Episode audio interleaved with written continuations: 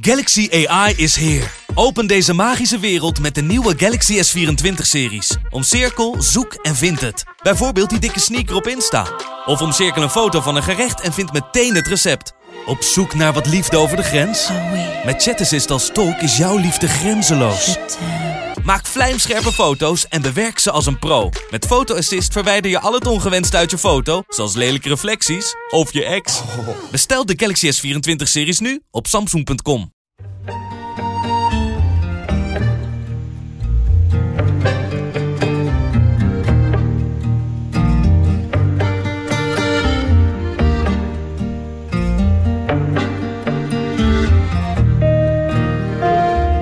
Los jij het maar even op. Dan zou je jezelf niet eens een bal tegenhouden, vriend, met je grote mond. Ik vind het eigenlijk niet fair wat je doet, want je pakt iedere keer een, eh, een makkelijk slachtoffer die toch niet speelt. Ga daar eerst maar eens gewoon proberen te voetballen en je kwaliteit te laten zien. Het is wel goed zo hoor. Het is wel goed zo. Het is alleen maar ruzie geweest. Ik heb geen idee wat we nou gaan doen.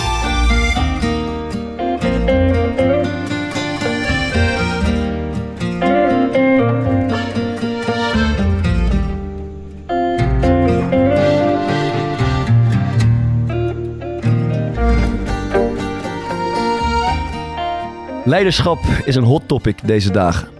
Met de verkiezingen voor de deur laten de lijsttrekkers geen kans onbenut om zich een waardig leider te tonen. En de leiderschapsprofielen zijn keurig gebouwd. We zien de powervrouw, de verlosser en de storyteller.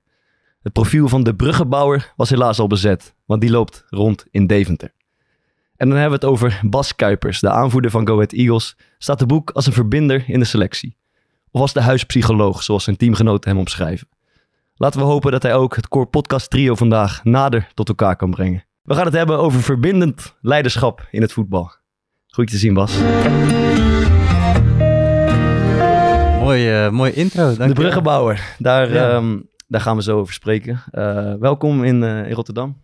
Dankjewel, dankjewel. Eh de huispsycholoog. Jij viel hier binnen net in een soort ruzie tussen Thomas en Maarten. Ruzie, over, ruzie. Ja, ik ben over, niet- Pieter Omtzigt. Dit is framing. Eh, ik, dus- ik ben nog niet kwijt. Ik, Nee, misschien... eh, zit maar nog... eh, Ja. Ik, ik denk, weet je wat, om ons dan toch een beetje nader, als ik Bart heel van je over mag nemen. Ja. Ehm, kijk, wij leggen elkaar vaak het vuur aan de schenen, maar er is dit weekend iets gebeurd. En daar moeten we toch even bij stilstaan. Ik, wij zijn al vier jaar, lopen jou te betichten van alleen maar ballen breed spelen en je doet niks. Eindelijk. Dus ik zou je nu wel... naar werken. Ik ga iedereen even vragen om even op te staan. Oh god, hebben we wat voorbereid zo? Oh, oké. Ja, oh, ja. Oh, echt lekker. Dankjewel, man. Dankjewel. Bas was nog niet geïnstrueerd over dit, eh over dit geitje. eh, iets uitgereikt? Of? nee, niks. Nee, dit Oh. was natuurlijk zo bijzonder. Het is de tweede keer zelfs in jouw carrière dat je twee doelpunten hebt gemaakt. Ja. En dan was het daarna ook nog die ongelooflijke lofzang. De stadionbanger. Ja, ja, ja. Dat was ongelooflijk? Ja, ja, ja. En voor de mensen die zijn vergeten hoe dat is ontstaan, daar gaan we ook nog even naar luisteren natuurlijk. Zo zit ik daar vaker te denken. je, hebt- moet je, je hebt er ongetwijfeld eentje voor jezelf Nou ja, ook. kijk, nu ga ik hem op glad ijs geven. maar ik ben En ook... dit gaat hij niet uitknippen. maar ik zeg ook, ja, kijk, Bartje, Bartje, Bartje Vriends. Ja, ik vind het niet heel lekker, maar ik vind de melodie van Brazil, la la la la la la, vind ik een stuk lekkerder. Ja, vul het maar in.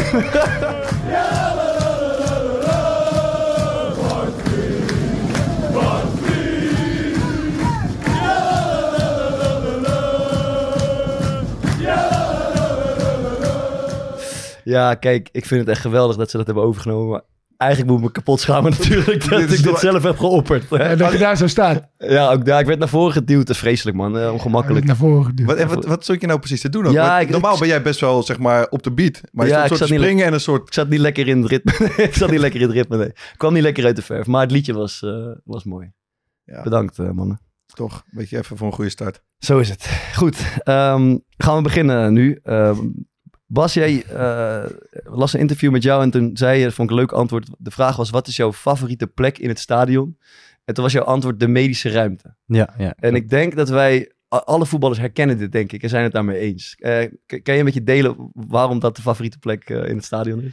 Ja, kijk, ja, je wordt natuurlijk ten eerste eh, behandeld in de medische ruimte als jij geblesseerd bent of wat dan ook. Maar het is ook een soort verbindende ruimte waarin iedereen eh, binnenloopt, eh, wegloopt, maar gezellige gesprekken hebt over van alles en nog wat. Over Ja. Expeditie Robinson gisteren. Maar het kan ook gaan over eh, Frans Timmermans Mhm. of, of, of, of Mark Rutte. Ja. Ehm, allerlei prachtige onderwerpen komen daar aan bod. En, en iedereen heeft een mening, er wordt gelachen. En het, ja, ik, ik denk dat dat een beetje symbool staat voor, wat voor, voor voetbal eigenlijk. Want dat verbindt alle culturen en mensen met elkaar. En dat is heel mooi, vind ik. Eh, maar eh, bij Go Ahead heb je, je Ja. hebt ook echt een goede medische ruimte. Het is een grote, je hebt best wel veel banken. Je hebt een tafeltje erbij waar je met stoel omheen kan. Die was in mijn periode ook al. Ja. Kon je af en toe mooi als dan die wasdame binnenkwam even porno opzetten. Dat is een gek.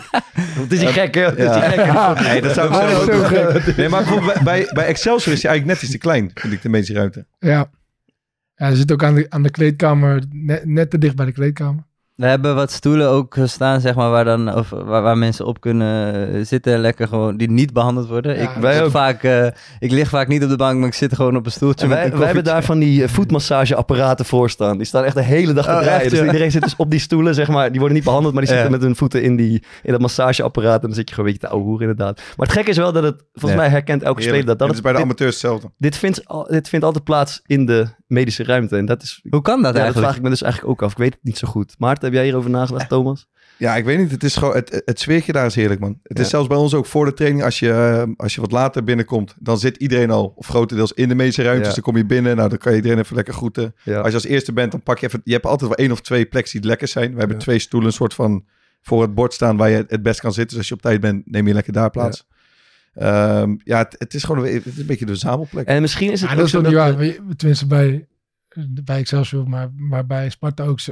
De gedeelte zit een beetje in de in spelershome. En, maar, maar iedereen moet op een gegeven moment wel een keer of er langs of, of Ja. of je moet even een tape halen. ja, of je moet je, iemand moet dan- je laten Ja, en behandelen. dan Ja, ligt er iemand en, en, en daar gooi je dan weer extra vaseline overheen. Weet je, zulke dingen. Ja, dat is bij En- ons ja. anders. Wij, kijk, wij hebben geen spelersoom. Nee. Natuurlijk bij de amateurs, bij Excelsior zoals het ook wel. Een groot deel in de spelersoom. Maar er is, ja, het, het is een soort kruispunt als het ware. Ja. Maar iedereen En misschien is het ook zo dat zeg maar, de mensen die daar werken, verzorgers, fysiotherapeuten, dokters, zijn me- vaak mensen met een beetje afstand tot het voetbal soms. Ja. Waardoor er ook wel eens, waardoor misschien juist makkelijker die gesprekken ontstaan die niet de hele tijd over voetbal en over Club, clubmensen ook vaak die echt al lang Ja, zitten. ja, ja, ja. Nou, dat is onze verklaring. Maar het is, eh, het is eh, een terecht antwoord, denk ik. Ehm, iemand nog iets kwijt? Nou, ik wil wel, ik, ik heb wel een, een, een vraag aan Bas eigenlijk. Kijk, we hebben vaak gasten gehad ehm, die wel die iets bijzonders hebben meegemaakt. Maar ik wil het even over je ommel hebben, man.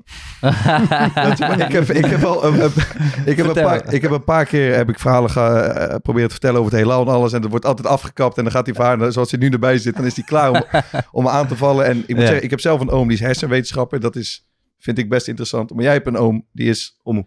Omoe. Jij oom omoe, ja, die ja. is astronaut. ja, ja. En waar ik eigenlijk gewoon het meest benieuwd naar ben, ik had even eh, zitten opzoeken, volgens mij is in 2004 is hij naar de ruimte gegaan. Maar hoe kijk je daar zeg maar, als familie naar? Eh, letterlijk de, zeg maar, de lancering zelf. Ja, ik ben helaas niet naar eh Baikonur geweest, want dat, daar was de lancering dan. ge- want het was heel duur om eh, tickets te, te kopen vanuit Rusland daarheen, zeg maar. Dat was echt heel, heel veel geld.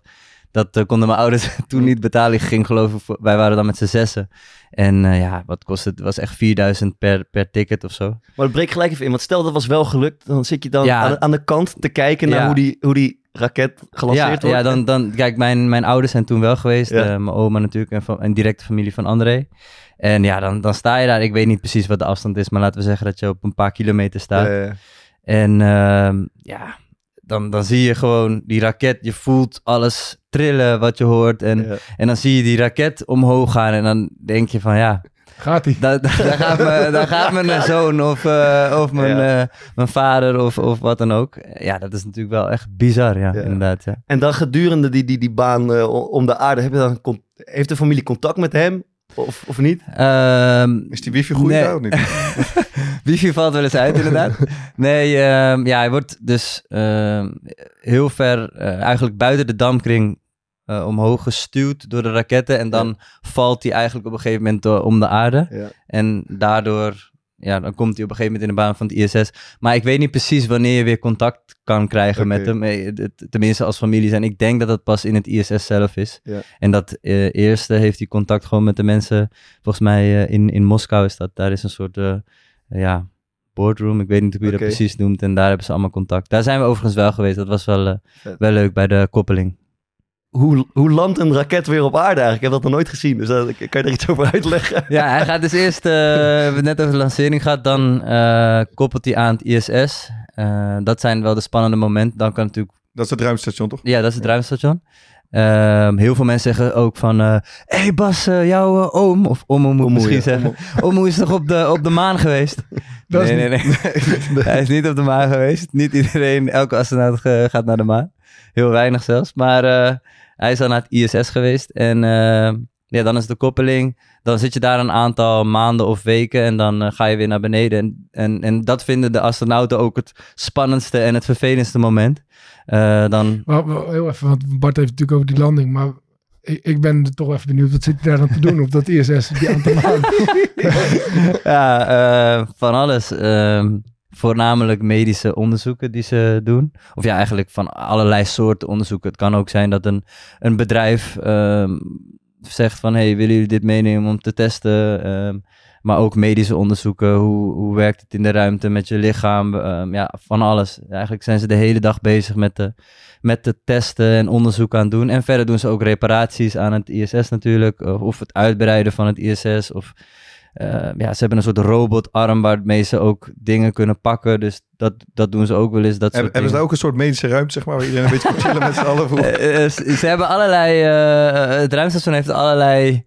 ehm, ja, hoe noem je dat? Eh, ruimtes van, van verschillende landen. Dus je hebt, dus, eh, Ja. je hebt, je hebt zeg maar het Russische deel en je hebt het, eh, Amerikaanse deel. En, en Dus Ne- Nederland Dus ik- heeft zijn ik- eigen stukje, zeg maar, daar. dat weet ik eigenlijk niet, maar eh, er zijn allemaal verschillende stukjes. Maar ik weet niet of er een medische ruimte is. Maar er zullen vast wel plekken zijn waar zij eh, filmavondjes hebben. Dat hebben ze wel. Gezellige filmavondjes, dat weet ik wel. Interstellar. Ik wilde het niet zeggen, maar... ja, dan zullen ze vast ook zulke dingen kijken inderdaad. Ja, ja, ja. En eh, ben je zelf wel eens in een raket geweest eigenlijk? Nee, nee, nog niet. Nee, nee, nee. Nee, maar gewoon... Je, je- Dit weekend misschien. ik bedoel niet in de lucht, maar gewoon, op de, gewoon van binnen. Gewoon, Ben, ben, ben jij ook een paar jaar astronaut Ja, geweest? misschien, door, heb, heb jij door je omo nee, heb je nee. gewoon toegang om een keer in een raket Nee, ik te ben, kijken. ik ben wel... eh, ja, je kan natuurlijk... eh, in Noordwijk eh, is de, de ESTEC, de ESA, eh, daar kan je wel langs. En daar heb je wel... we hadden het net over de terugvlucht, noem Ja. ik het dan maar.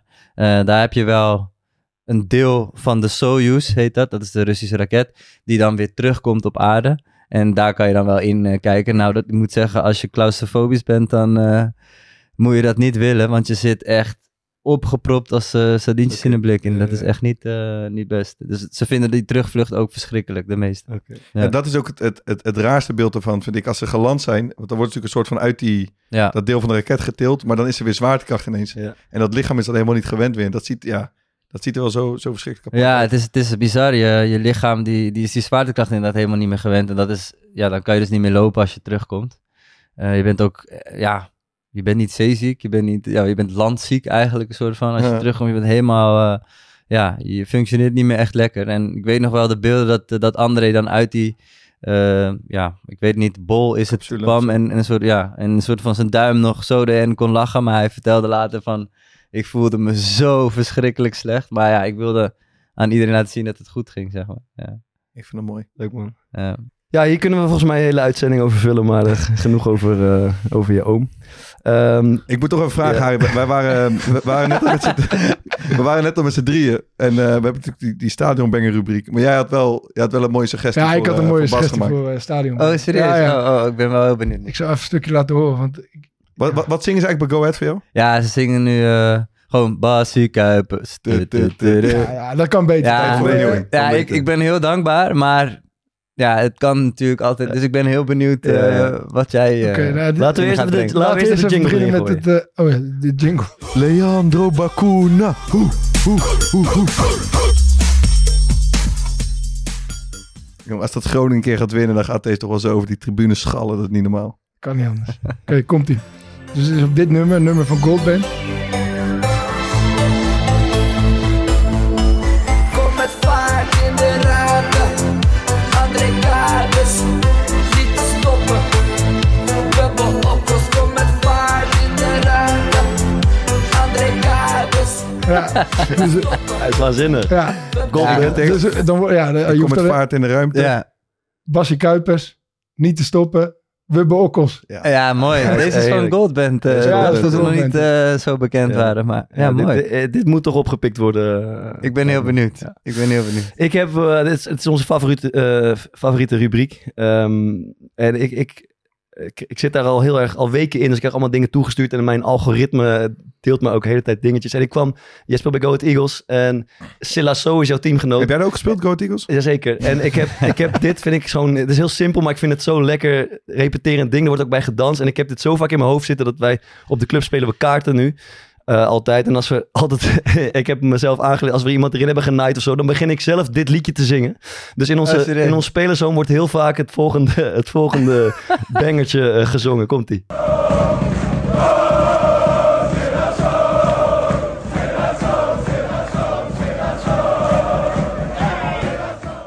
Ja, ik vind hem gewoon, eh, ik vind hem gewoon Dus lekker. even één keer, iemand gaat, dat, iemand gaat het bootje in En dan ligt hij en dan gaat hij... Oh, Oh, Silla So. Silla So. Silla So. op, Dag in, een dag uit. wordt Silas zo Ja. toegezongen. Wat was de eerste keer dat je dat deed? En keken je die jongens niet van, wat zeg jij allemaal? Ja, ik denk het wel. Maar Ja. uiteindelijk zijn ze het allemaal gaan overnemen. Ja, dus mooi, zitten mooi, in de bus. Twee goals hebt gemaakt, alles maken. Ja, dat maakt allemaal niet meer uit. Thomas, jij nog wat, eh, jij nog wat tegengekomen? Ja, je had die van eh Virgil van Dijk. Ja, die is wel echt goed. Ja, hij, eh, is denk ik de, de meest ingezonden. Er waren mensen ook boos dat ze deze nog niet hadden behandeld. Eh dit gaat om, hij moet zeker genoemd worden. De jongen heet Jamie Webster, die zichzelf Boss of Boss Knight noemt. Webster, zou ik zeggen. Ja, wat zei ik dan? Webster. En eh, hij heeft meerdere liedjes, maar dit is eigenlijk wel een, eh, een klassieker. Dit is het liedje over eh, Virgil van Dijk. En dit wordt ook gezongen volgens mij op de dag van de Champions League finale of zo. Voor wie het niet verstaat, ik zal de tekst heel veel doen. He's our center half, he's our number four. Watch him defend and we watch him score. He'll pass the ball, calm as you like. He's Virgil van Dijk. En daar komt hij.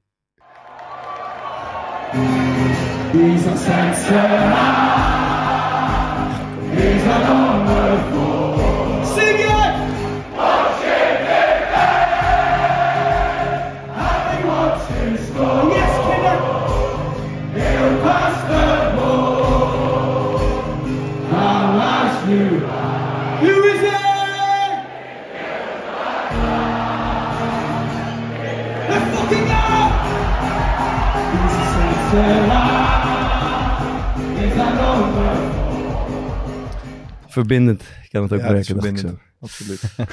Ehm, ja, toch even, het is de week eh, voor, eh, voor de verkiezingen. Ehm, misschien wel aardig om even te delen. We hebben ooit zo'n verkiezingsserie gemaakt. Dat is drie jaar geleden geweest of zo. Ja, dat is dit jaar niet echt van de grond Dat, gekomen. we hebben het geprobeerd Jongen, dit jaar, maar er, werd- er was net iets te weinig uh, animo. Het is niet gelukt. Het, het idee was leuk, toch? We wilden het eigenlijk een beetje hebben over de nieuwe bondscoach van Nederland. Ja. Dus dat moest dan omzicht zijn. Timmermans zou moeten komen. Die wilde in principe wel. En Jezilgoes. En dan dachten we, doen we daarvoor over het ambt van premier zijn met Mark Rutte of met Louis van Gaal. Ja. Maar ja, als er één van de vijf komt, dat is, eh, Dat is jammer. dat is te Dat weinig. is ja. jammer. Maar goed, ehm, Bas, ben je enigszins eh, geïnteresseerd in eh, politiek? Of Een beetje, een- ja, een beetje wel. Maar ik, ik moet zeggen dat ik er niet heel erg diep in zit. Als in dat ik dit, eh, deze verkiezing nog niet helemaal. eh, Je bent geen ruzie aan het maken met je vrienden. Nee, nee, nog niet, nog niet. Maar ik vind het wel mooi als er discussies worden gevoerd onder Mhm. vrienden. Vind ik leuk. Ja. En weten jullie eh, al een beetje hoe wat? Of? Ja, ik weet het wel. nee, maar ik, ik zag van de week, eh, dat bestaanszekerheid is best wel een hot topic eh, geworden in, in deze verkiezingen. Toen zag ik van de week een eh, spotje, of nou, het was al een paar weken geleden van de VVD. Ik weet niet of, jullie die spotjes hebben gezien. Is dat Dat- dat, zij, dat, dat zij tegen zo'n, dat die Jezilgoes met een zwevende kiezer, dat ze zo tegenover elkaar staan? Ik, ja, is dat dus, zou het, moet dat de zwevende kiezer voorstellen? wel, ja. In ieder geval dat ze te- zo op zo'n stip tegenover elkaar staan en dat dan de, ja, de, de zwevende kiezer, wat jij Mm. zei, zegt wat, wat, wat haar of hem dwars zit en dat zij er dan antwoord op gaat geven. Ah, dat is echt, eh, ja, daar zit ik echt, echt graag naar te kijken. Maar niet omdat ik het zo mooi en zo zinvol vind, maar gewoon dat ik denk van wat is dit voor boes. Maar er, kwam, er kwam er dus iemand die zei van ja, ik heb eh, de kinderen en die hebben het goed en, eh, en wij hebben het zelf goed. Alleen ik ben zo bang dat als er tegenslagen zijn, dat in de veranderende wereld, dat, dat, ze dan ten onder gaan. En ik wil niet dat, eh, dat, dat, dat, dat we het moeilijk krijgen. en dan gaat zij vertellen, ja, dat is natuurlijk ook heel erg. En daar, daar moeten we echt wat aan doen. En, eh, en dan denk ik echt bij mezelf, ja, maar even serieus. Dus eh, je zegt eigenlijk, ik heb het goed. Maar Mm. ik ben bang dat het fout gaat. Ja. En de mensen die het, nu, die het nu slecht hebben, ja, dat interesseert me. Ja, dan gaat het toch wel slecht. Hè? Is mooi, ik zie toch wel weer een beetje van het oude VVD-bashvuur bij... eh, Ja, We bij hebben een tijdje gemist, hè, Thomas. Ja. Ja. Maar jij bent een beetje... Ze doen, ze doen hun best, dus eh, hartstikke mooi. En, ze mogen ook, eh, ik vind het ook prima dat ze er zo over denken. Maar ja, ik vind het wel een beetje makkelijk Maar jij bent een beetje op het Pieter Omtzigt eh, orgel gedoken hè, de laatste tijd. Nee, helemaal. nou, je, gaat, je, je bent een uh, Wilfried Geneetje aan het tijd. nee, ja, ik, ik, ik vind alleen... Hij wordt natuurlijk aangepakt omdat hij dingen wat anders doet eh, da- dan de rest. En eh, daar kan je natuurlijk ook van anders van vinden. Maar ik, ik vind het wel mooi. Dat is het enige wat ik eigenlijk tegen Fokkert zeg. Ik zit over die. Oké, Ik zit, ja, eh, die- ik, zit al die... eh, al die... Zo. Iemand, iemand allergisch op Pieter Omtzigt Heel hier. allergisch op. Zit, zit de Caroline van der Plas hier achter de schermen? Wat? Nee, ik zit nu zijn al die debatjes en die interviews met lijsttrekkers en ik zit het eigenlijk allemaal te volgen. En eh, je hebt zeg maar die, de tactieken om daarmee om te gaan. Hè? Zeker als je zo'n moeilijk nieuwsuur interview hebt en dan die, die Baudet die schiet altijd van in de framing, weet je wel, jullie, worden, jullie framen me. En Rutte die maakt of een grapje of hij gaat heel veel praten en eigenlijk heel weinig zeggen, waardoor het ook wordt afgekaatst. En die om zich even een andere tactiek is mij opgevallen, die trekt je gewoon naar het terrein van proceduretjes en regeltjes en artikeltjes waar hij alles van weet. Ja. En dan is alle, alle gif uit de aanval, zeg maar. Daar heeft hij het over artikel 3 lid 2.1, over Ja. dit en dit en dit in de, Europese, in de Europese Raad. En dan ben je gewoon eigenlijk ook uitgeluld, want dat weet hij gewoon meer van dan welke interview dan ook. Dus wel, het is Ja, maar dat heel merk- saai om naar te kijken, maar het is wel een hele slimme truc. Maar dat merk je zelfs in debatten. Dat is best veel andere politici hem... Het lijkt alsof ze hem niet echt durven aan te vallen. Want als hij dus jou Ja. daarin meetrekt... Ja, Ja, klopt. dan sta je er met je bek van tanden. Ja, en je, ja, weet, ja. ja, je weet gewoon niet wat hij weet.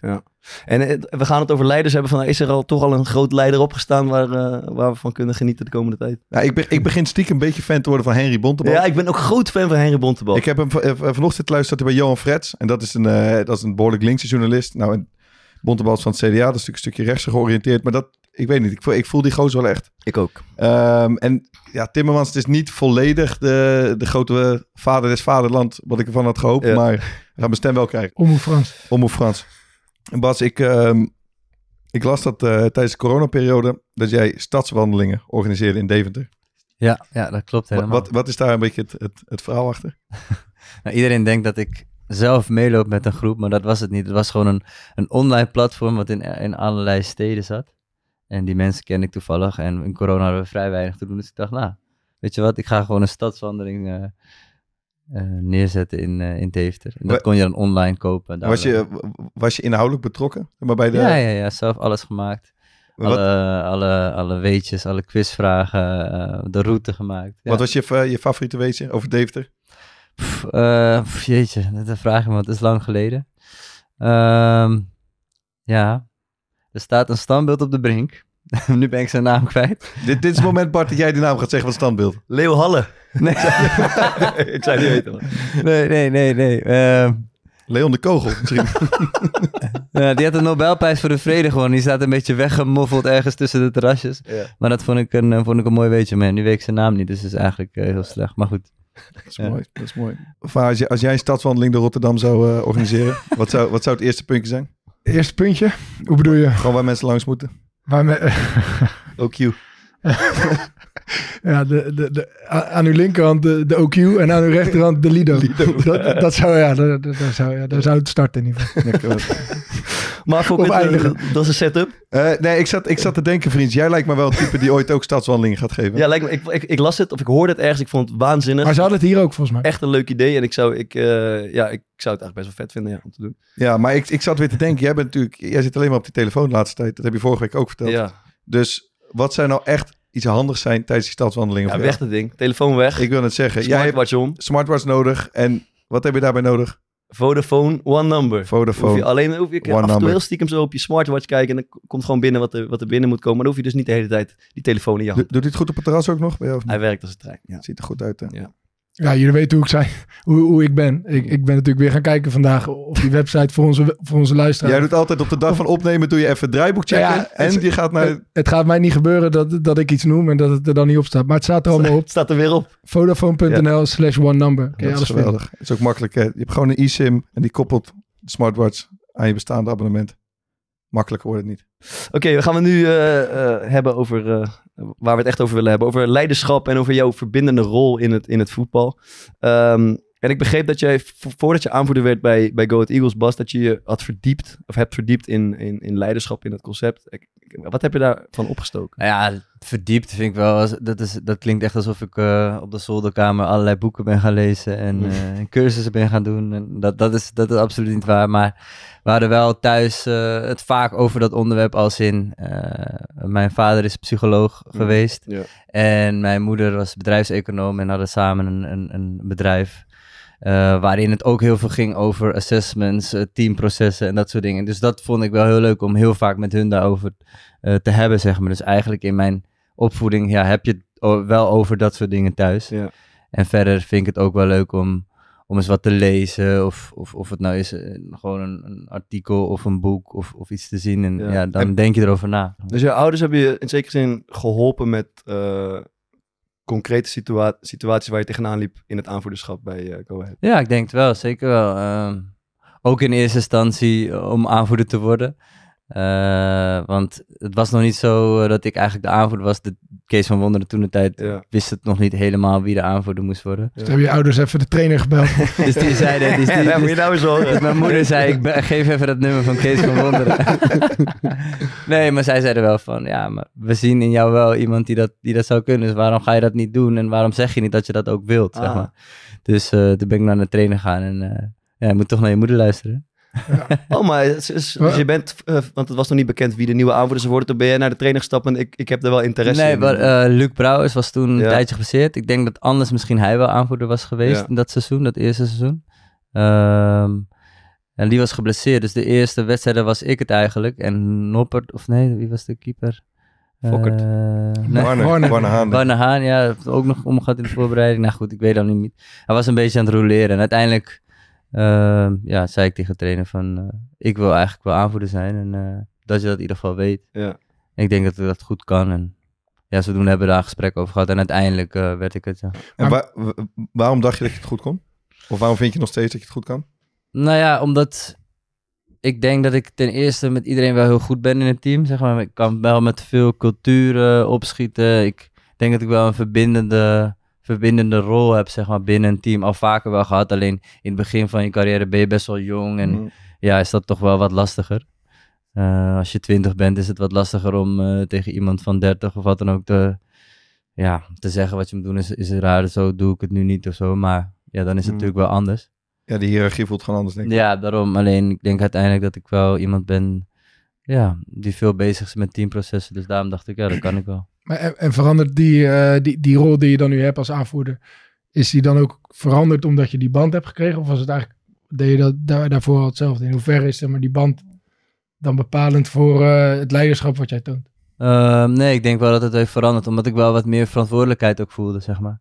In het begin, eh, laten we zeggen dan, als ik even kijk naar de periode van Eagles, de eerste, het eerste jaar, ehm, ja, was ik, natuurlijk ben je wel bezig met teamprocessen en dat soort dingen, alleen je bent niet per se, je voelt die verantwoordelijkheid niet echt, want je bent niet de aanvoerder. Toen ik aanvoerder werd, dacht ik wel, oh, nu, als het nu fout gaat, dan is het eigenlijk ook deels mijn fout, want Mhm. ik ben de aanvoerder.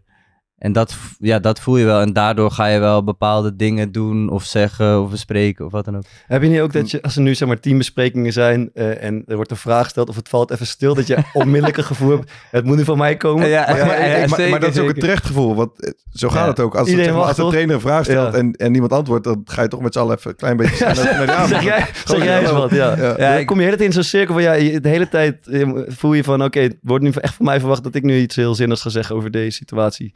Terwijl je dat ook niet altijd misschien weet of zo. Ja, maar maar ik- ei- eigenlijk, eigenlijk is het toch best wel raar, want tenminste vind ik, eh, het zou toch niet uit moeten maken of je die band wel of niet hebt daarin. Als jij, als jij zo bent en... ja, ja, ja. Nee, maar toch, maar de, team, Nee, maar de, kijk, de- de- uiteindelijk- de teamdynamiek is wel vaak zo, toch? Dat Nee, als, ja, als de tuurlijk. trainer iets vraagt, dat je gewoon met z'n allen denkt van, weet je wat, los jij het maar even op. Nee, ja. maar, Nee, meer- degene die aanvoerder wordt, was waarschijnlijk daarvoor al degene Ja. die regelmatig zo soort van zijn hoofd boven, eh, zijn kop boven het maaiveld uitzak. Of dan wat zei op zulke momenten. Dus Ja. zo werkt het wel natuurlijk. Maar dat Ja, was in jouw geval dus niet echt. Eh, nou ja, op zich, op zich wel hoor. Alleen, wat ik zei, zeg maar, toen ik eenmaal aanvoerder werd, echt aanvoerder en ook die band droeg, dan ga je toch wel twee keer nadenken van, hé, hey, eh, wat ik zeg, je, je voelt gewoon meer verantwoordelijkheid. Tenminste, dat was voor mij. Maar ik weet niet, als jij dat bijvoorbeeld ook hebt gehad. Ja, enorm. Maar, Ja. eh, Maar, eh, vooral vroeger, eh, ik- toen ik bij Go Ahead was ik het ook een periode. Het was ik jonger, acht jaar jonger of zo. Ja. En toen, ik droeg de verantwoordelijkheid van de hele club op mijn schouders, voor Ja. mijn gevoel. ja. En dat is heel slecht. Want dan ga je inderdaad, als er slecht wordt getraind, ligt het aan jou. Als de sfeer niet goed is, denk je, oh, ik moet hier wat mee.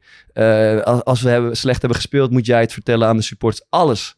En, en dat vond ik, eh, vond ik zwaar. Ik ging, er ook, ik ging er ook slecht van spelen, zeg maar, een periode lang. Ja. En nu ben ik veel ouder en nu vind ik dat veel makkelijker. Dus Ja. je, het is niet alleen maar jouw verantwoordelijkheid of mijn verantwoordelijkheid. Gelukkig zijn er ook spelers in het team. Ik weet niet hoe dat bij jou is, maar die die verantwoordelijkheid ook delen.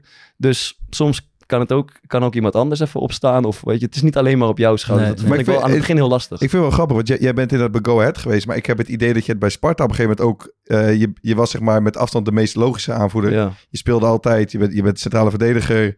eh, je bent ook in het veld redelijk aanwezig. Je zit al heel lang bij de club, Ja. waar je best wel veel roleert. Ja. Maar ik had niet het idee dat je heel graag wilde worden. Nee, ja, we stemmen er even over. Gaan we, Ik heb je ook al vier keer laten gaan. Vandaag wordt overstaan stemmen. Dus jij moet oppassen. Ik Ja. zat erop te wachten, jij hebt wel gelijk. Maar ik, ik heb Nee, niet het idee dat jij het... eh, misschien dit jaar wel, maar bijvoorbeeld voorheen... ehm, had ik niet het idee dat je per se stond te springen Klopt. om, om Ik- die band. ik voelde me altijd eh, wel comfortabel in gewoon in wel een rol, een verantwoordelijke rol in de spelersraad als tweede aanvoerder of zo. Maar echt de nummer één stond ik niet. Ik was er niet op tegen, maar ik was, stond er ook niet om te springen. Dus ik ben niet zoals Bas. Zeg maar maar, had dat te van- maken nog met misschien je eerdere aanvoederschap? Ja, misschien wel ja. Misschien wel ja. Dat ik dacht, ja, ik, ik vond het toen ook. Ik groeide daar ook in hoor toen. Ehm, maar ja, ik, ik vond. Ik had een comfortabele positie. Ik hoefde er niet per se aan te tornen, zeg maar. Maar nu, eh, nu ik het, dit zo'n ben, ik heb er eigenlijk heel veel plezier in. Ik vind het leuk. Ik vind het veel, kan het veel beter dan dat ik het eh, acht jaar geleden deed. Ehm, ja, dus je groeit er ook in. En waar, waar ben je beter in dan nu? Ja, wat ik net ze- zei sowieso, het, eh, het voel me niet de hele tijd verantwoordelijk voor alles wat er gebeurt in de club. Ik, heb ook, ik voel ook dat ik meer eh, gewoon toch een, logischere positie heb. Toen was ik 23 of zo en ik had, speelde met gasten van 30, 32. En eh, nu ben ik zelf een van de oudste spelers. Ik speel, ik speel heel veel en altijd en al best wel lang. Dus dat helpt ook allemaal qua, gewoon, qua hoe logisch het voelt dat ik Ja. er ben. Snap je wat ik bedoel? Ja, zeker. En dat is eigenlijk een vraag voor jullie allebei ook. Hoe ehm, is het ook niet veel makkelijker bijvoorbeeld nu aanvoerder te zijn? Want voor mij staat Go Ahead zevende, Sparta staat vijfde of iets in die regionen. Mm. Maar je bent ook allebei aanvoerder geweest volgens mij op het moment dat je tegen degradatie speelt. Ja. Ik kan me ook voorstellen dat dat een hele andere, misschien een soort druk met zich meebrengt. Doordat je iedere keer, dan mag je iedere keer voor de camera komen uitleggen waarom je weer verloren hebt. Of waarom je 16e staat, of waarom je 17e staat. Ja, eh, ik, ik wou de vraag stellen van wat is het moeilijkste aan het aanvoederschap of aan het leiderschap? En voor mijn gevoel is, is dit het. Als, het. als het makkelijk gaat, of als het goed gaat, is het best wel is het relatief eenvoudig. Hè? Maar het is veel moeilijker als het slecht gaat. En eh, dat je het eh, elke keer moet uitleggen voor de camera's is best wel vervelend. Ik heb, bij Ajax ging het natuurlijk heel slecht en daar werd Bergwijn vaak voor de camera gehad. Hij werd er ook vaak op bekritiseerd, wat ik niet Mm. helemaal terecht vond. Maar het is zo moeilijk om dan, eh, zeker bij een club als Ajax, om dan de hele tijd de juiste dingen... Je zegt eigenlijk bijna altijd Hey. het verkeerde. En mensen gaan zich sowieso irriteren aan wat je zegt. Eh, dus ik kan me voorst- heel goed voorstellen dat hij daar echt met lood in zijn schoenen ging staan. En dat zou ik zelf eigenlijk ook hebben. Ik weet niet hoe jij dat ervaart, Bas. Ja, ik, ik heb natuurlijk wel vrij veel goede momenten meegemaakt ja. bij Go Ahead. Mm. Ehm, dus in die zin heb ik dat soort momenten niet echt meegemaakt. Maar ik kan me wel voorstellen dat je natuurlijk... Ik heb ook wel eens voorgesteld, ja, stel je voor, je moet elke keer naar die camera toe. Je moet elke keer weer zo'n excuusverhaal eh, Ja. vertellen. Of ja, dat, dat lijkt me wel verschrikkelijk Ja. in- in- inderdaad. Alleen aan de andere kant, ja... Je kan, je kan inderdaad niet alles in je eentje doen. Nee. Ja, je hebt dan vaak, je gaat het of eh, een beetje overdone. Dus ja, ze moeten ons kapot schamen. Dit is go ahead, Mm. onwaardig en Ja, die, die dat vind ik onzin. echt verschrikkelijk. Verschrikkelijk, daar zou ik ook niet snel in trappen. Maar je kan het ook, de andere kant is vaak dat je het een beetje bagatelliseert in de, in de ogen van de, van de supporter. Ja. Hè? Oh, het komt wel goed, we gaan bezig met ontwikkelen en bla bla bla. Dus je Ja. voelt altijd alsof je, Ja, we je- hebben wel goed moeilijk om het juiste maar- te zeggen. Ja. Ja. Maar wat zouden jullie dan bijvoorbeeld, wat zouden jullie, wat li- lijkt jullie er lastig aan? Allebei. Ja, sowieso iets, na iedere wedstrijd iets zinnigs moeten zeggen over die wedstrijd zelf. Ja. Eh, en ik zou absoluut heel erg eh, het gevoel hebben dat als er dan iets... eh, ik, ik heb dat nu af en toe, dat er, ehm, ik weet niet of jullie dat herkennen, maar dat het soms voor een wedstrijd, het kan bijvoorbeeld best een belangrijke wedstrijd zijn, is het een beetje stil in de kleedkamer.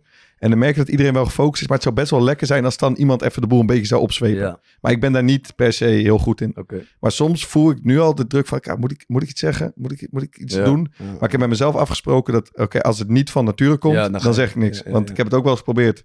Eh, als ik dacht, ik moet nu iets zeggen, maar ik voel het eigenlijk niet. En dan heb je eigenlijk tien van de tien keer, als je dan wat gezegd hebt, dat je denkt, ja, ik beter niet kunnen doen. Ehm, dus, maar ik denk als ik, als ik aanvoerder zou zijn, dan zou ik eh, nog veel meer die verplichting voelen. Dat op ieder moment als je denkt, oké, misschien is de dynamiek niet helemaal goed of de energie is niet goed, dat jij dat dan moet gaan fixen. Ja. Dat lijkt mij een hele lastige, hele, hele lastige balans om mee om te gaan. Heb je, heb je mensen meegemaakt waarvan je dacht, oh, dit, dit vind ik wel echt goed hoe zij dat doen? Of, of kan ook een trainer zijn of een of teamgenoot die geen aanvoerder was, maar dat je echt dacht, wow, dit is wel... eh, Nou, ik, ik vond... ehm, Thomas, wij hebben Sander Fischer gehad samen. Ehm, en Sander deed vooral die seizoenen, dat, dat was niet meer de, de piek van zijn carrière. Maar één ding waar hij wel heel goed in was, was gewoon even zeg maar, die stilte doorbreken voor de wedstrijd. Gewoon, en, dat, en dan merk je ook, het hoeft helemaal niet per se hout te snijden wat je dan zegt. Maar gewoon even bij gasten langskomen. Even een tik op je achterhoofd. Bij een andere tik op zijn reet. En even bij iemand een knuffel. En even roepen, "Eh, boys, we vreten ze op, we klappen erop. Dus ik vond dat hij specifiek in die momenten, zeg maar voor zo'n wedstrijd, eh, ik vond het wel lekker. Als iemand dan gewoon even dat... Ja, ja, ja. Wat ik denk het moeilijkst vond, want ik was bij Sparta niet echt aanvoerder, Mm. maar... Jij bent een soort gedwongen aanvoerder geworden daar toch? Hè? Eventjes. Nee, nee, nee, nee. Nee, Jawel, even met, met Alex toch even één keer. nee ik, wa, ik Met was... je bandje. Ja, ja, bandje, nee, maar, je- maar- maar, maar, maar, maar je wilde het bandje niet. Nee, ik hoefde het bandje. eigenlijk- Ik, ik voelde best wel veel verantwoordelijkheid voor het team en om, eh, eh, om, om leiderschap te tonen. En ik heb, Alex heeft toen ook een keer tegen mij gezegd: Ja, ik wil dat jij de aanvoerder wordt. Terwijl toen zei ik van ja, ik vind dat Michel uh, Breuer aanvoerder is. En, en zolang hij op het veld staat, dan, eh, Ja. dan, dan, vind ik, dan vind ik nergens op slaan. Maar wat ik het moeilijkst vond, was op het moment dat, het, dat mijn plek in het team zeg maar, Ja. minder werd. En je wil dan nog steeds wel eens op een bepaalde manier leiderschap tonen. Ja, dan, en, je, en je merkt dat de andere jongens veel minder op hebben met, eh, met een bepaald teamgevoel en, eh, en, en teamprocessen. Dan wordt het heel moeilijk om dat nog te kunnen sturen. Dus dat, dat vond ik het allermoeilijkst van. Ja, eh, ja überhaupt als jouw eigen status slinkt of Ja. je speelt heel slecht wekenlang, moeilijk. ja. Is, eh, Ja, want Is- dat merk ik dus ook. Dat, ja. je, dat, dat trainers, als jij zo'n wat meer leidende rol hebt, dat een trainer van jou verwacht, en dat vind ik ook logisch, dat je die zeg maar altijd hebt. Ook als je zelf een keer wat minder speelt. Maar ik ben zelf heel erg van, als ik, als ik een eerste helft heb gespeeld, eh, gespeeld die kut is, dan heb ik in de rusttijd zoiets van, nou, doe maar even mak aan. ja. ja, en eigenlijk slaat dat nergens Nee, dat op. staat nergens op. Maar dat is wel, dat is, zeg maar, wel de natuurlijke Maar je, reactie. om, ja, je gaat er gewoon invullen wat de jongens dan gaan denken. Van, zo zou je zelf niet eens een bal tegenhouden Ja. je grote mond. Toch, Ja. dat is toch wat je, wat, wat, wat je... Als je dan wat zegt, dan, je je, je- zeg maar, het is stil, maar je hoort mensen het wel denken. Ja, ja, ja. Pak ze bal, joh, pannenkoek. Ja, ja. Ja, ja, ja. en dan, dat is het dus. Ja, weet dus ook, zo, ja. ja. Ja. En eh, Bas, je, had het- je hebt het eh, af en toe over die verbindende rol, zeg maar. Eh, kan jij een beetje schetsen hoe, eh, hoe jij dat voor je ziet en hoe je dat oppakt? Ja. Ehm, kijk, in eerste instantie denk ik dat je oprecht moet zijn. Ja, jullie zeiden het net ook al van, als het zo geforceerd is, dan, Ja. dan, dan heeft het gewoon echt geen zin, zeg maar. En dat zie je soms wel om je heen. Of ja, misschien dat je dat zelf in het begin ook wel eens hebt ervaren. Dat je dacht, oeh, nou ja, dat was misschien een beetje geforceerd, omdat ik dacht dat ik dat moest doen of zo. Ja, een van de eerste dingen die ik toen heb gedaan is, ik ging naar Alex Kroes. Nou, die is niet heel vrijgevig met, eh, met geld, maar ik zei, we hebben een budget nodig. Overigens heb ik nog nooit bij een club gespeeld wa- waarbij men zei zo, onze, onze, onze algemeen directeur, die strooit lekker met geld. Nee, klopt, klopt, op klopt, klopt. Dit is wel waar. Dit Maar eh, eh, dus toen ging ik naartoe en zei, ja, we hebben een budget nodig om, om, om dingen, gaan, dingen te gaan doen met elkaar. Want we hebben niet de, de grootste begroting, dus het moet van teamgevoel gaan komen. Ja. Dus nou, en dat, dat, ik kreeg wel eh 5000 euro, jezus. Oh, Ja, kijk, eh, ja, hebben wij hoger ingezet. hoor. ja, daarop. Nee, dus, dus ik kreeg vrij weinig. Dat klinkt Ja. als een hoop, maar dat zijn drie flessen in de Eh, pasje. eh, ik zo. wou net zeggen, ja. Dus eh, toen moest ik vrij creatief zijn met alle dingen die we moesten doen en eh, veel eh, connecties gebruiken in Deventer. Maar dat zijn dingen die je natuurlijk kan doen. En uiteindelijk, eh, ja, zijn er ook gewoon altijd dingen in een, in een jaar of, of ja, in een seizoen wat je meemaakt die je ook dichter bij elkaar brengt. En dat kunnen ook verdrietige momenten Ja, zijn. ja, ja, Dat, Ik zeg maar bijvoorbeeld eh, eh, in het eerste jaar toen wij in de keukenkampioen speelden, verloor eh, Mitchell Michaelis zijn, eh, zijn zoontje. Ja. En eh, ja, dat was natuurlijk, ja, dat was zo heftig, zeg maar, voor iedereen. Dat, dat iedereen zo dicht bij elkaar kwam, zeg maar. Ja. Dat is wel, ja, dat, maar dat zijn ja, geen dingen die, eh, Ja.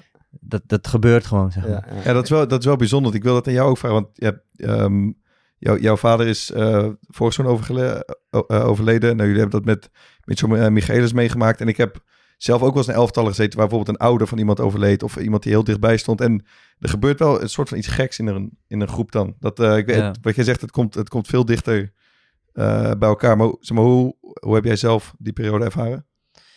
Eh, nou ja, ik, ik heb gewoon heel veel eh, steun gehad van, van iedereen bij Go Ahead. eh, Als in, eh, in eerste instantie gewoon alle supporters en alle mensen. Maar ook heel erg binnen de club. En dan ook heel erg mijn team, zeg maar, alle jongens.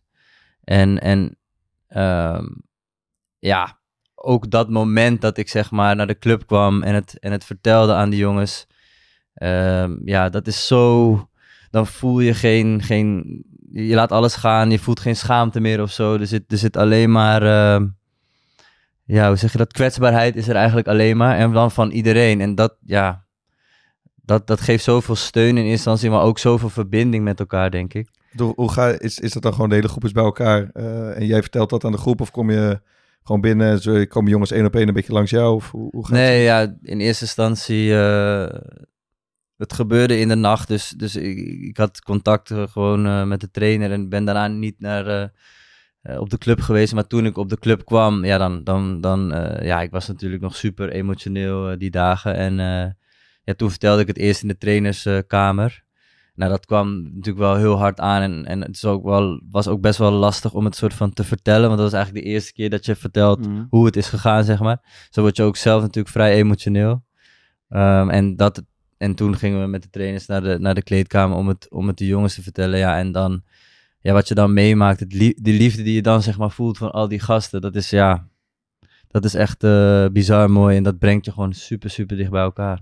Het is wel, is wel bijzonder dat je je ook gewoon, eh, ja, laat ik zeggen, veilig voelde om het zo met die jongens te delen. Dat zegt misschien ook wel iets over de cultuur bij jullie.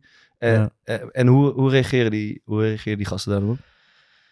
Ja, het was, het was heel mooi om, eh, om, om te delen, inderdaad. Ehm, omdat het gewoon zo voelde voor mij. Ja. Dus, dus dan doe je dat. En je zag gewoon dat iedereen eh, heel erg ondaan was. Eh, ja, in eerste instantie vertel je dat, dan heb je eigenlijk helemaal niet zo goed door wat er voor je gebeurt, zeg Ja. maar.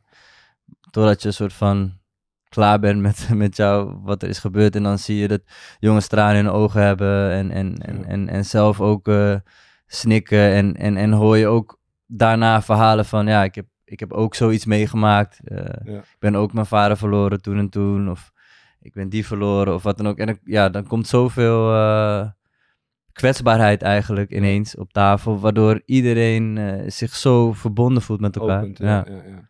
En je hebt het natuurlijk ook meegemaakt, maar dat was, dat was niet op, denk ik, niet zo'n eh, ervaring als, als wat hij nu vertelt. Nee, ik heb echt co- compleet het tegenovergestelde eigenlijk eh, gedaan. Ik, ik weet ook niet zo goed waarom, maar ja, ik, ik voelde helemaal niet zo de behoefte of de vrijheid om dat zo met iedereen te delen.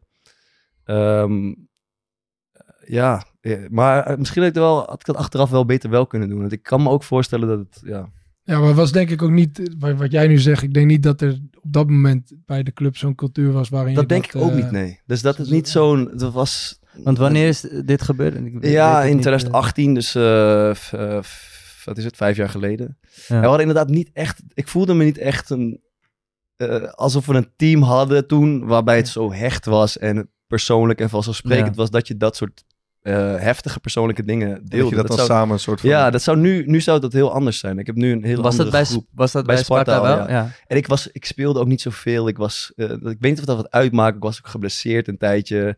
We hadden ook toch best wel veel gasten, Thomas, in dat team. Met wie ik niet zo gek veel had. En Ja. jij denk ik ook niet. Dus dat, ja, dat is wel... ehm, dus daardoor was het heel privé voor mij, weet je wel. En ik, eh, ik, ik zag jouw interview met Hans Kraaij. En ik vond het heel... Je doet dat echt mooi. En Hans Kraaij doet het trouwens ook heel mooi. En dapper dat je dat ook vertelt.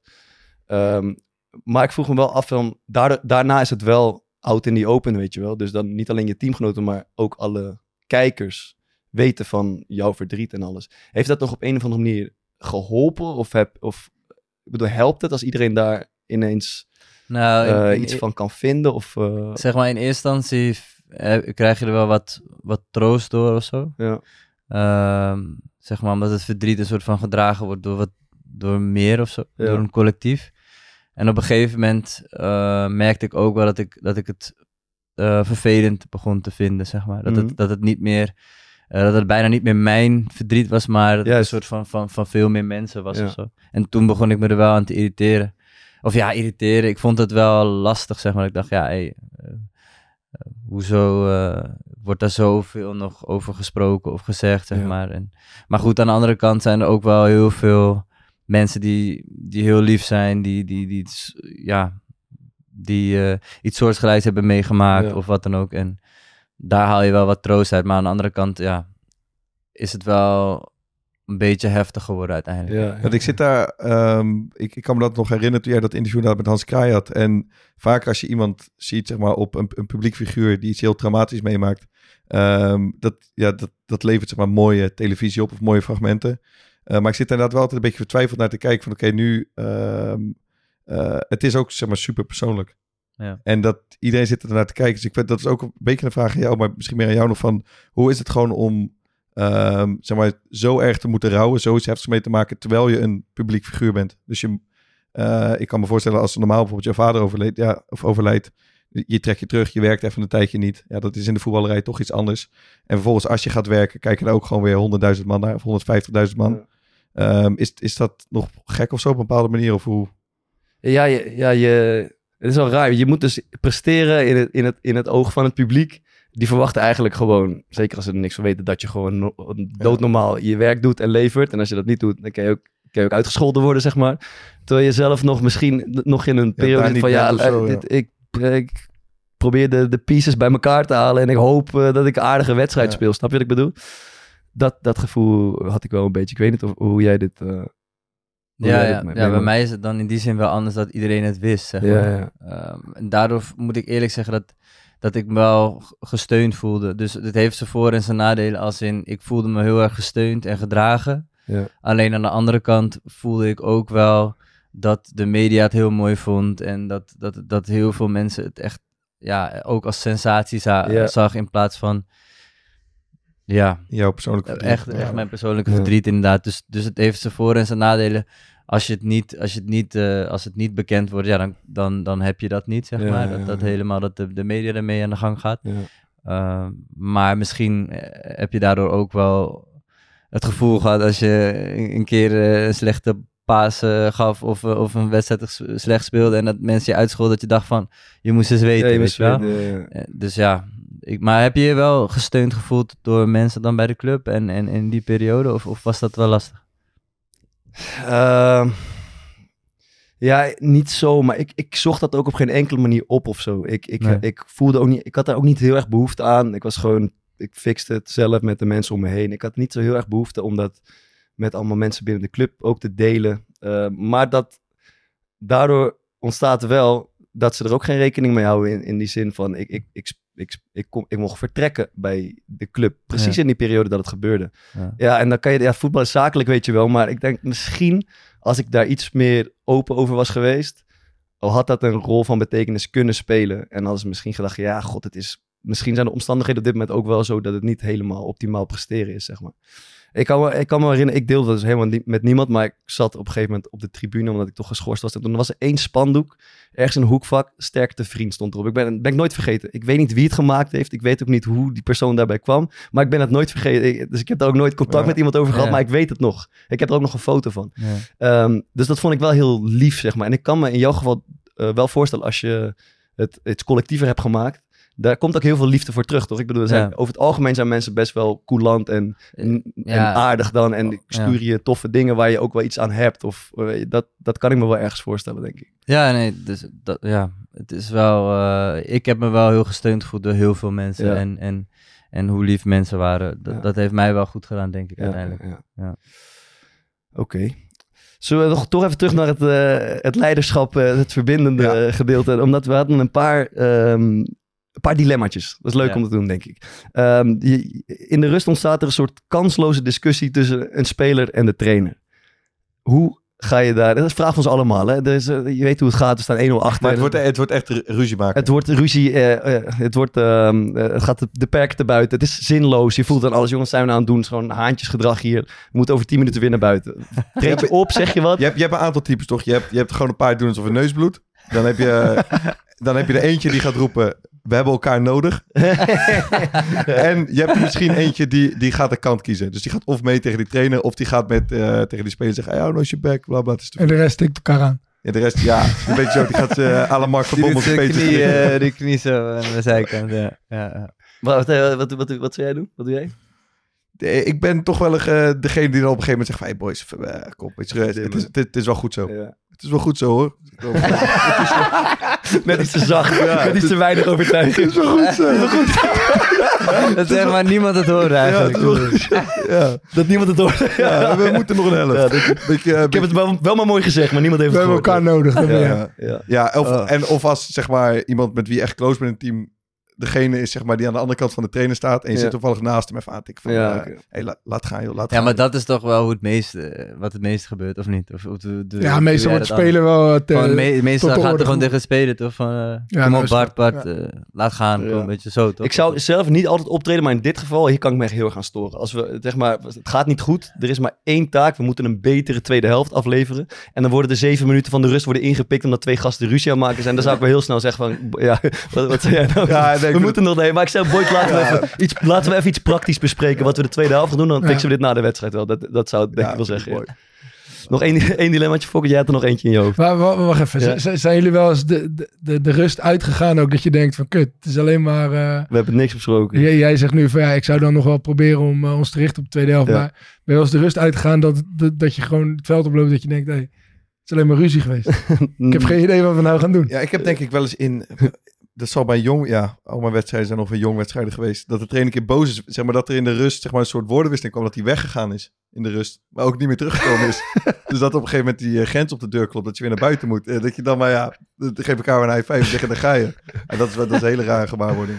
Maar, eh, Heb jij dit wel eens meegemaakt? Nee, ik heb het, nee, denk het niet eigenlijk. Maar jij dan, Bart? Heb jij wel eens iets heel heftigs meegemaakt in de rust dat je dacht van, ah, wat, wat is Ja, dit allemaal? eh, En, ja, we lopen ja. nu naar buiten, maar... eh, Ja, ik heb wel eens gezien dat een trainer zo zeg maar, wit heet was dat hij, eh, dat hij uit zijn woede iets wegtrapte. Wat Oh ja. op eh, het been van een speler ging- kwam die net moest gaan invallen. Ging zijn wenkbrauw... Eh, eh, die net moest gaan invallen. En dat was wel zeg maar, net zo van, ah, net over de top eigenlijk. Ja, ja, ja. ja. Ehm, zeg maar, de felheid is goed, boosheid, dat gebeurt altijd. Ja. hè. Drie, vier keer per jaar gaat het, gaat het echt los. Maar dit was dan maar net even de grens over, omdat het ook fysiek ineens werd. maar ik heb, hij was niet ik heb top. er nog wel een een, top, een, een, een volle cola flesje vliegen. Maar die is toch best zwaar, hè? Ja, Als ook zeg, maar, als zeg maar alles zou uitlekken hoe, hoe een trainer soms eh, Ja, ja, ja. tekeer kan gaan of, of wat dan ook, dan, dan eh, ja, tenminste, er worden mensen ontslagen bij... eh, Grensoverschrijdend. ja, voor ja. dat, maar een soort van, wij vinden het heel normaal. En het, ik denk dat het ook goed is om af en toe Ja. het, het uiterste uit jezelf te Ja. halen. Maar, Ja, maar je in moet de- wel het in idee deze hebben- samenleving soms lijkt alsof niks meer mag. Ja. Ja, Nee, maar je moet wel het idee hebben dat, dat hij nogal controle heeft toch over zichzelf. nee, klopt. Dat is het denk moet ik- ook weer niet te, te heftig Dat is eh, wel het worden. Volk het nog eentje. Ja, ik zat, ik, ik, ehm, ik zat er wat te denken dat je... ehm, stel je hebt zo'n serie met je, met je ploeg en eh, het loopt even een paar wedstrijden niet. Je speelt een keer gelijk, je verliest twee keer. En je hebt dan die dag, zeg maar, na de wedstrijd en je gaat lunchen. En die hele sfeer is al een beetje slecht in de groep. En je voelt het zelf ook een beetje opborrelen. En wij zijn volgens mij allemaal gasten die niet per se als eerste aan de stoelpoot van de trainer gaan zagen of heel erg negatief gaan lopen doen. Maar volgens merk je dat aan die lunchtafel dat, eh, dat er iemand is die daar wel mee begint. Dus die begint met, ja boys, maar fucken met, met, met deze trainer. Met, met, boys, fucken met deze, we gaan, gaan we nooit winnen, wordt niks. het, gebeurt en ze wissels even, Ja. eh, skiefers met die man. doet hij allemaal? Maar, zeg maar, we- Wij kunnen echt helemaal niet. maar ga je dan, eh, dan is het heel makkelijk om inderdaad te zeggen van, hey, pff, ja man, ik weet man bro, Ja. ik weet het bro. Ja. Ehm, en ik heb dan wel altijd een stemmetje in mijn achterhoofd die zegt van, ja, ik kan het beter nu een beetje tegengas geven. Maar ik heb het ook vaak zat laten lopen. Dat- ja, nee, Ja, vaak ik ook wel. Het is, eh, ik Je hebt ook vaak zo gewoon meegepraat. Ja, misschien maar je- je ook geïnitieerd.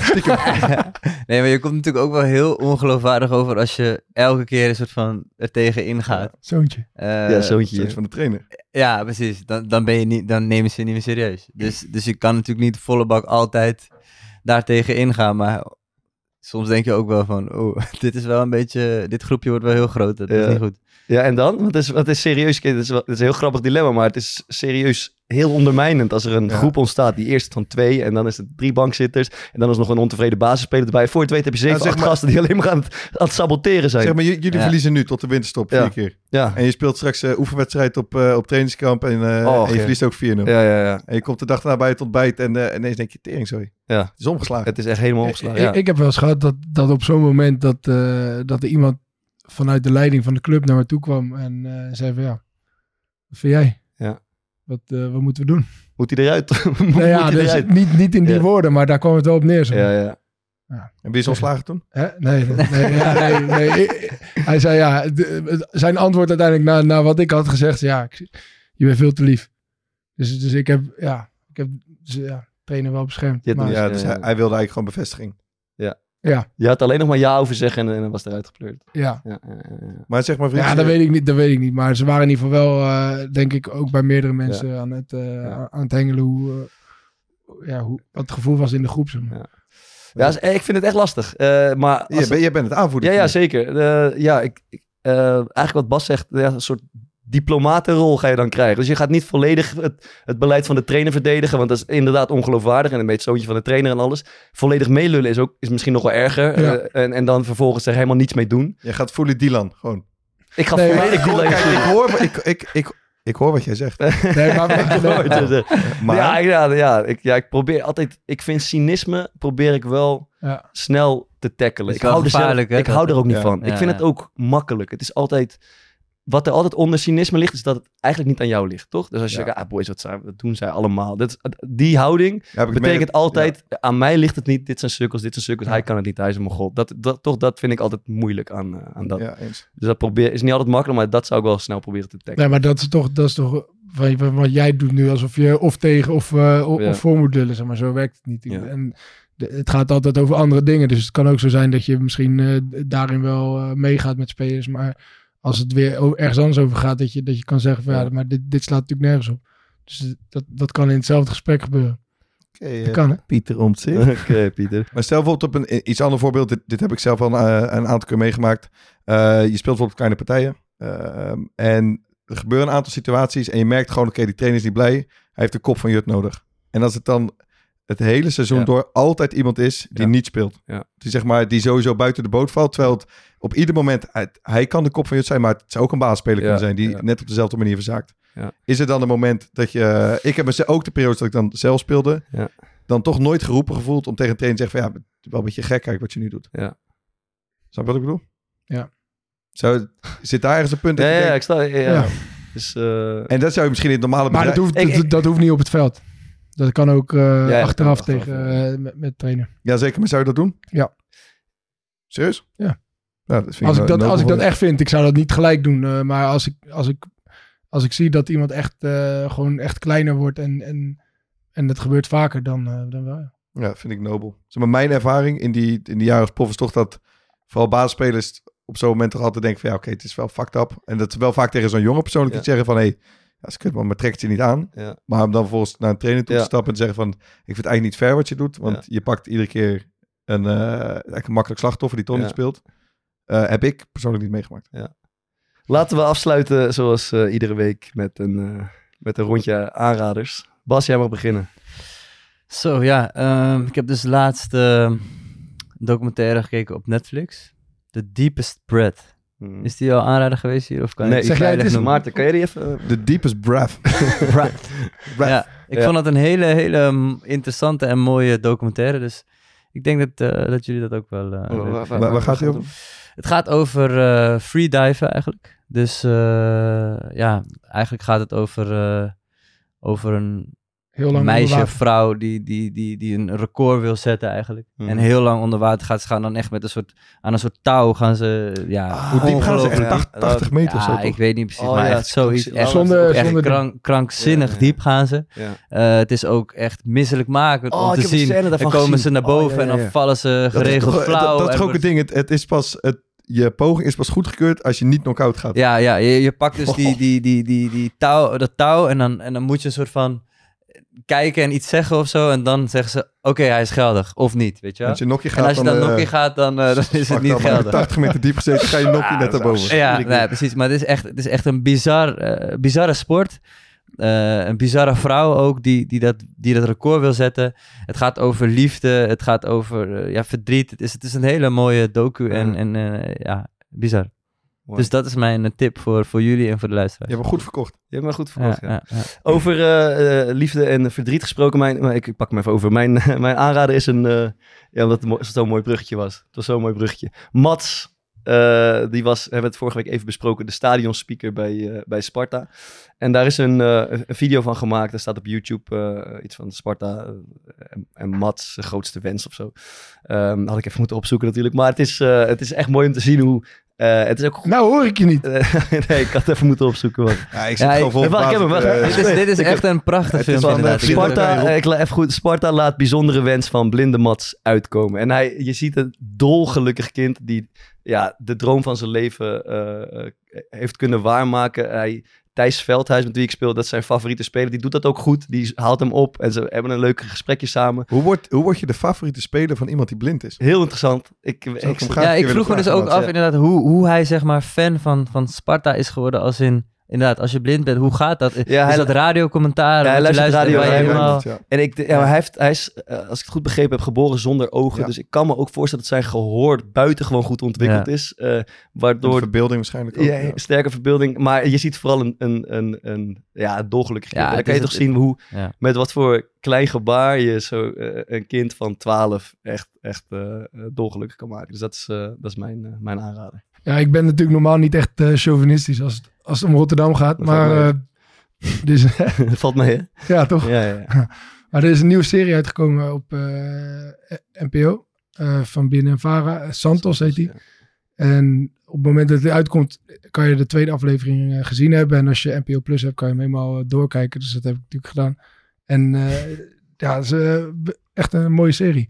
Het is een beetje tegen een soort tegenhanger van Mokromafia, wil ik het niet noemen. Maar het is een drugsgerelateerd verhaal over, eh over bendes in Rotterdam.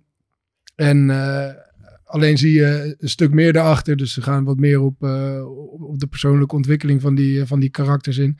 En wat ook mooi is, is dat er een hele hoop acteurs in spelen die eigenlijk tot nu toe zwaar onbekend zijn, maar die wel echt, echt goed overkomen. Dus ik, ik zit ervan te genieten. En natuurlijk ook omdat mijn favoriete Rembo Rembo karakter ook een rolletje heeft gekregen, Theo Westerlo. Dus dat, dat is wel mooi om te zien. Maar het is een leuke serie, is echt een aanrader. Echt een aanrader. Sterk. Fokkert. Ik heb een, eh, een wat simpeler dit keer. Ik doe normaal natuurlijk altijd dingetjes van de correspondent aanraden. Maar ik heb dit keer een beetje op de Telegraaf zitten spitten. En die maken weinig goede stukken, vind ik. Maar het enige wat ze wel leuk doen, ze maken af en toe een soort van mini eh, Instagram-reportages. Eh, en dit is er eentje. Ze zijn eh, een, een aantal weken geleden moesten voor het eerst weer gestrooid worden, s'avonds. Mm. Toen zei ze, je hebt hem gezien hè? Nee, maar ik moet gelijk aan het filmpje denken. Ik moet toch strooien.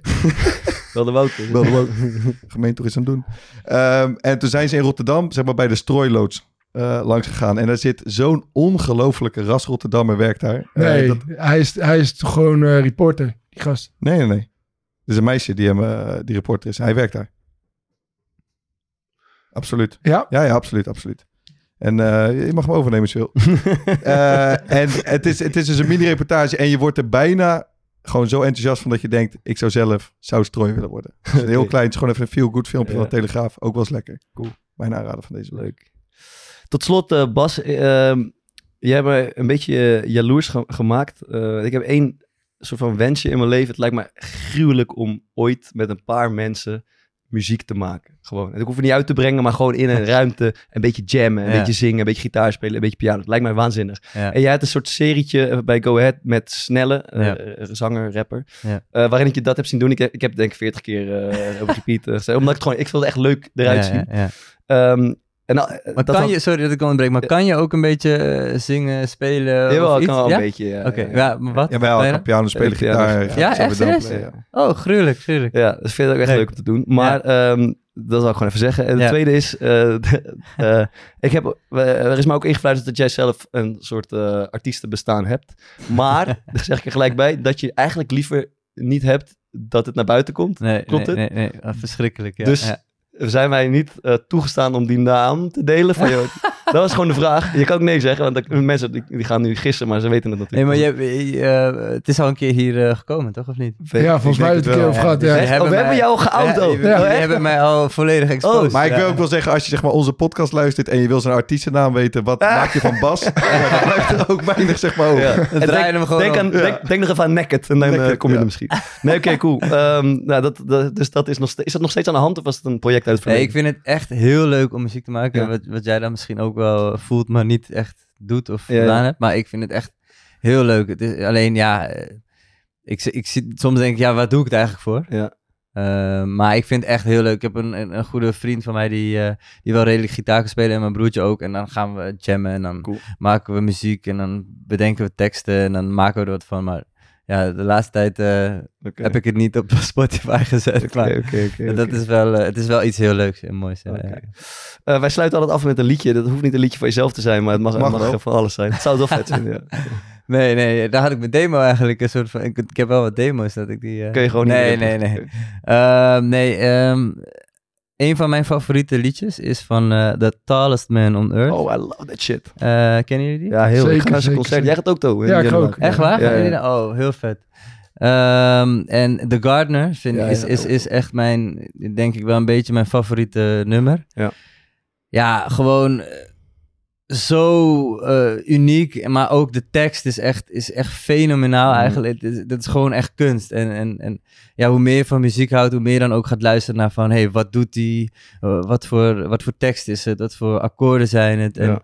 en hoe heeft het liedje soort van zo gemaakt? En, Ja. en daarom vind ik dat nummer Ja. ja, geweldig. En ook trouwens andere nummers van hem ook. ook eh, Niet makkelijk om na te spelen. Ik zou zeggen, bijna onmogelijk om na te spelen. Het is een ja, fenomenale klopt, gitarist. klopt, klopt. kun je draaien in de kleedkamer? Nee, absoluut niet. Nee, nee, nee. Je kan wel draaien en Als dan je zeggen volgende. Word je uitgefloten. ja, ja. Nee, het is, het, is, eh, het is niet echt muziek eh, voor in de kleedkamer. Nee. Maar ik vind het echt prachtige muziek. Love is All vind ik ook een heel Ja, dat is mijn favoriet. ja. Ja, Ja, Eh, Oké, cool. Daar gaan we naar luisteren. Ben jij degene die de muziek speelt in de kleedkamer af en toe? Eh, af en toe, maar niet vaak. En wat is die, ja, want kijk, ta- Talist ga je niet luisteren daar. Wat is Wat, het wat vei- is de het veiligste veiligste? nummer? Wat is jouw, jouw go-to eh, song? Pff, eh, jeetje, ja, dan wordt het een beetje zo eh Burna Boy. Uiteraard, ik wil Ja, dat gewoon even horen. Dat wou ik gewoon even Oh, is dat? Ja, dat is gewoon heel veilig, hè? Ja. Altijd lekker. Ik het is ook als je, als je verbonden bent en je, je denkt, oeh, het is een beetje twijfelachtig vandaag. Doe maar Burna Boy. Lekker. Ja, ja, ja, ja, klopt. Ja, zoiets. Eh, dankjewel voor je komst, Yes. Bas. En eh, bedankt voor het luisteren. Volgende week zijn we terug met een eh, bijzondere gast, toch? Kunnen we stellen. Absoluut. Dat zeggen we nooit eigenlijk, maar nu... Jij eh, zegt het. Hij ligt, ja, ja, ja, wel vet. Oké, Ja. cool. Tot volgende week. Daarbij. I sense a runner in the garden. Although my judgment's known to fail. Once built a steamboat in a meadow. Cause I'd forgotten how to sail.